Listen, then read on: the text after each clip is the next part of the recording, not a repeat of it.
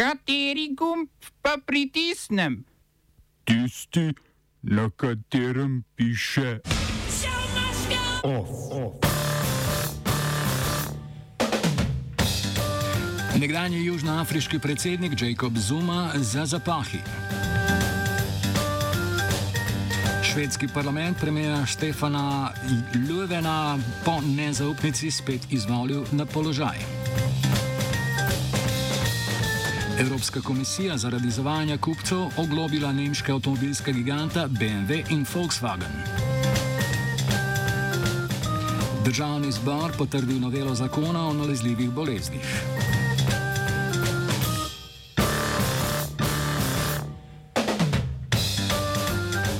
Nekdanji predsednik Južnoafriške republike Jacob Zuma, ki, drža, ki je državo vodil med letoma 2009 in 2018, je začel prestajati zaporno kazen zaradi nespoštovanja južnoafriškega pravnega sistema. 79-letni Zuma se ni odzval na sodni poziv na majsko zaslišanje pred preiskovalno komisijo prizivnega sodišča v svoji domači provinciji KwaZulu Natal na vzhodnji obali države, zato ga je ustavno sodišče prejšnji teden obsodilo na 15 mesecev zapora. Prizivno sodišče preučuje vrsto očitkov o korupciji v času njegovih dveh mandatov. Prihodni ponedeljek bo ustavno sodišče sicer odločilo o Zumovi prošnji za razveljavitev zaporne kazni. Njegovi odvetniki namreč menijo, da bi lahko bivanje v zaporu zaradi slabega zdravstvenega stanja ogrozilo njegovo življenje, zato zahtevajo ponovno preučitev primera. Zumova obsodba je sploh prva obsodba katerega izmed nekdanjih južnoafriških ameriških predsednikov po odpravi apartheida.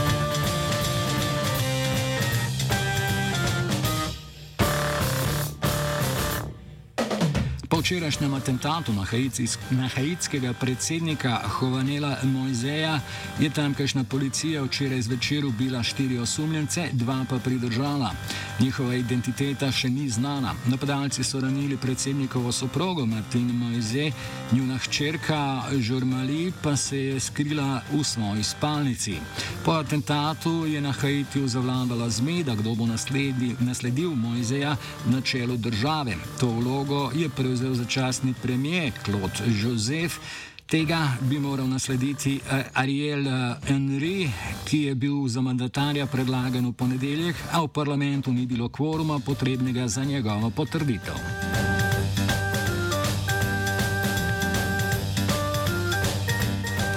Švedski parlament je včeraj zvečer s 116 glasovi za, 173 proti in 60 vzdržanimi ponovno izvolil Stefana Löwena na položaj predsednika vlade. Pred devetimi dnevi so poslanci Löwenu izglasovali nezaupnico, na to pa se je ta odločil za odstop in ne za razpis predčasnih volitev. Steklo je iskanje novega premijeja in kot najustreznejši kandidat se je znova izkazal prav 63-letni socialdemokrat demokrat, ki je na čelu vlade že od leta 2014. Vzrok za nedavno glasovanje o nezaupnici je bil spor vlade z levo stranko, ki ni bi bila del vladajoče koalicije, a je v parlamentu podpirala manjšinsko vlado. Leva stranka je namreč nasprotovala predlagani reformi določanja cen najemnin za novogradnje.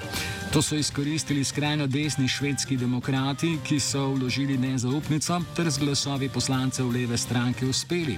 Na švedskem premije sicer za potrditev ne potrebuje glasov večine poslancev. Dovolj je že, da večina v 349 članskem parlamentu ne glasuje proti. Da bi imenovanje uspelo, so socialdemokrati sklenili dogovor o vzdržnosti poslancev desno-sredinske sredinske stranke in uspeli. Leven eh, bo svojo novo ministersko ekipo predstavil jutri.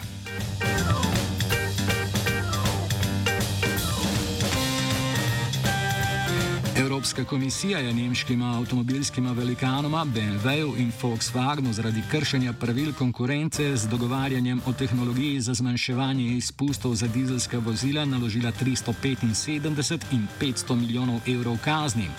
Komisija je na podlagi suma, da omejujejo konkurenco na področju tehnologije za zmanjševanje škodljivih izpustov leta 2017 pod lupo vzela nemški znamki BMW in Daimler ter skupino Volkswagen, katere del sta tudi Audi in Porsche. Poročilo Evropske komisarke za konkurenčnost Margaret eh, Verstager navaja, da so imela vsa podjetja tehnologijo za zmanjšanje škodljivih izpustov, a so kupcem vseeno omejevala dostop do okolju prijaznejših vozil. Kazen se nanaša na njihovo ravnanje med letoma 2009 in 2014, upleteni pa so priznali kartelno dogovarjanje in se strinjali s poravnavo. Proizvajalec Daimler se je kazni izognil, ker je razkril obstoj kartela drhtela.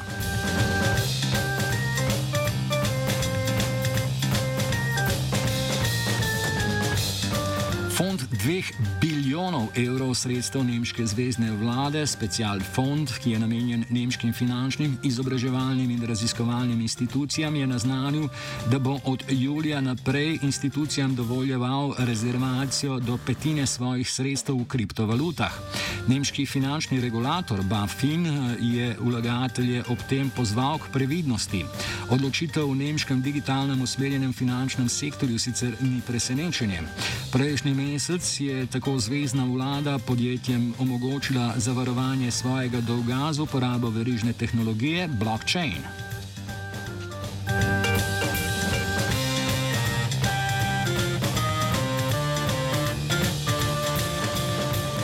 Srpski predsednik Aleksandr Vučić eh, se je danes sestal z mađarskim premijem Viktorjem Orbanom. Tema pogovorov so bile naložbe v gospodarstvo in infrastrukturo ter izmenjava cepiv proti COVID-19. Vučić je na tiskovni konferenci takole izkazal vdanost Janševem BMF-u.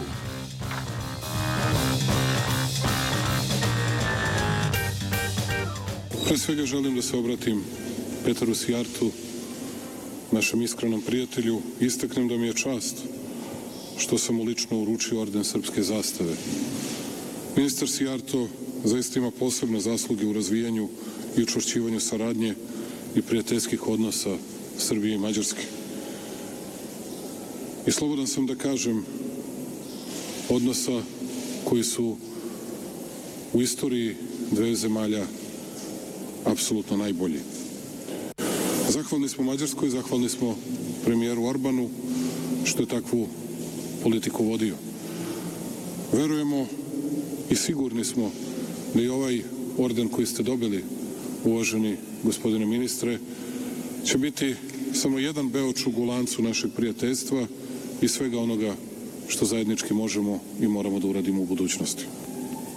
Mnogi govore da podržavaju srpski put u Evropsku uniju, ali malo ko to čini i hrabro i otvoreno, spreman da i zbog Srbije pretrpi kritike kao što to činite vi. I mi na tome možemo da vam budemo samo zahvalni i da kažemo da ćete kao Mađari i Mađarska uvek moći da računate na srpsko prijateljstvo i da se nadamo da ćemo po nekim drugim pitanjima tu vrstu prijateljstva i vama i mađarskom narodu moći da uzvratimo. I jedni i drugi ubrzavamo izgradnju pruge Beograd-Budimpešta. Beograd-Budimpešta pruga povezat će naše narode, ali povezat će i dva fantastična grada.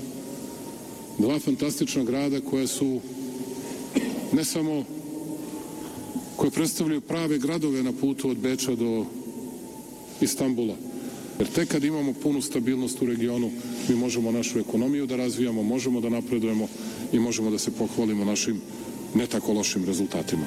Hvala vam najlepše. Medtem so danes mađarske civilne organizacije organizirale proteste proti novemu zakonu o omejevanju dostopa do informacij o temah LGBTIQ, ki je v Evropski uniji sprožil val ogorčenja.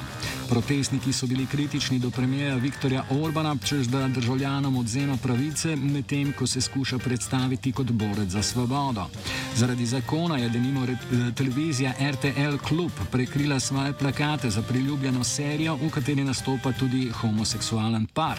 Na nalepki, s katero so prekrili plakate, piše, da jih skrbi, da zakon omejuje svobodo govora in diskriminira neheteroseksualne člane družbe.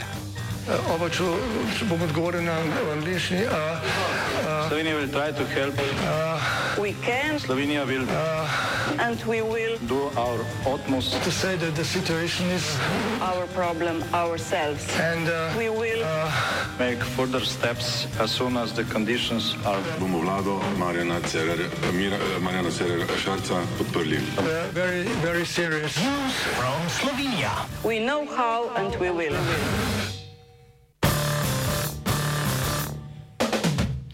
Državni zbor je včeraj zvečer s 44 glasovi za in 42 proti sprejel novelo zakona o nalezljivih boleznih. Ta naj bi po navedbah vlade uresničevala ustavno odločbo iz maja, po kateri so nekateri deli zakona neustavni.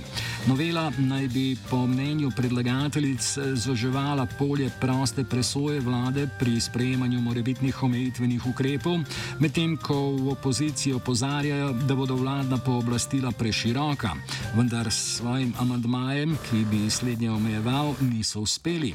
Novela zakona vladi nalaga, da mora pridobiti strokovno oceno ter uvaja merila in kazalnike, ki se upoštevajo pri pripravi te ocene in v fazi odločanja spreje, o sprejemanju posameznih ukrepov.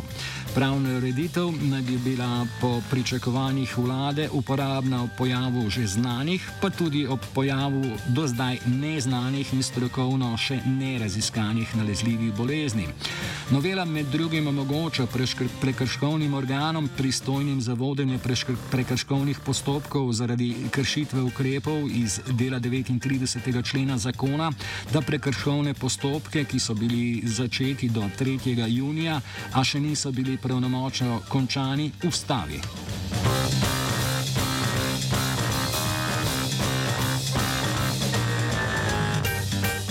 Potem, ko je državni zbor včeraj s 47 glasovi za, 8 proti, 27 poslancev se je glasovanja vzdržalo, potrdil interventni zakon za pomoč gospodarstvu in turizmu vreden 243 milijonov evrov, sta gospodarska zbornica Slovenije in obrtna zbornica Slovenije izrazili razočaranje, da ukrepi, ki so jih reprezentativne delodajalske organizacije predlagale v obliki dopolnil, niso bili vključeni.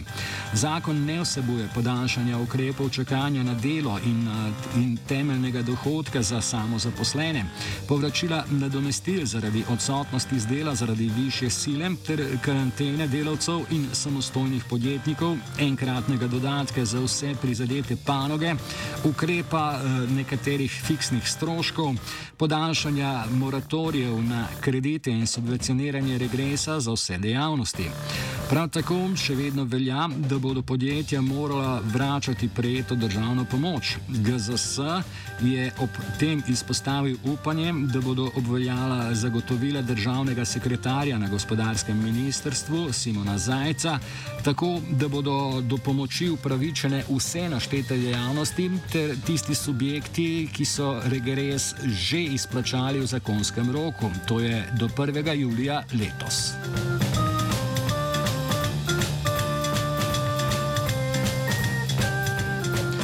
Of je pripravil Dugi.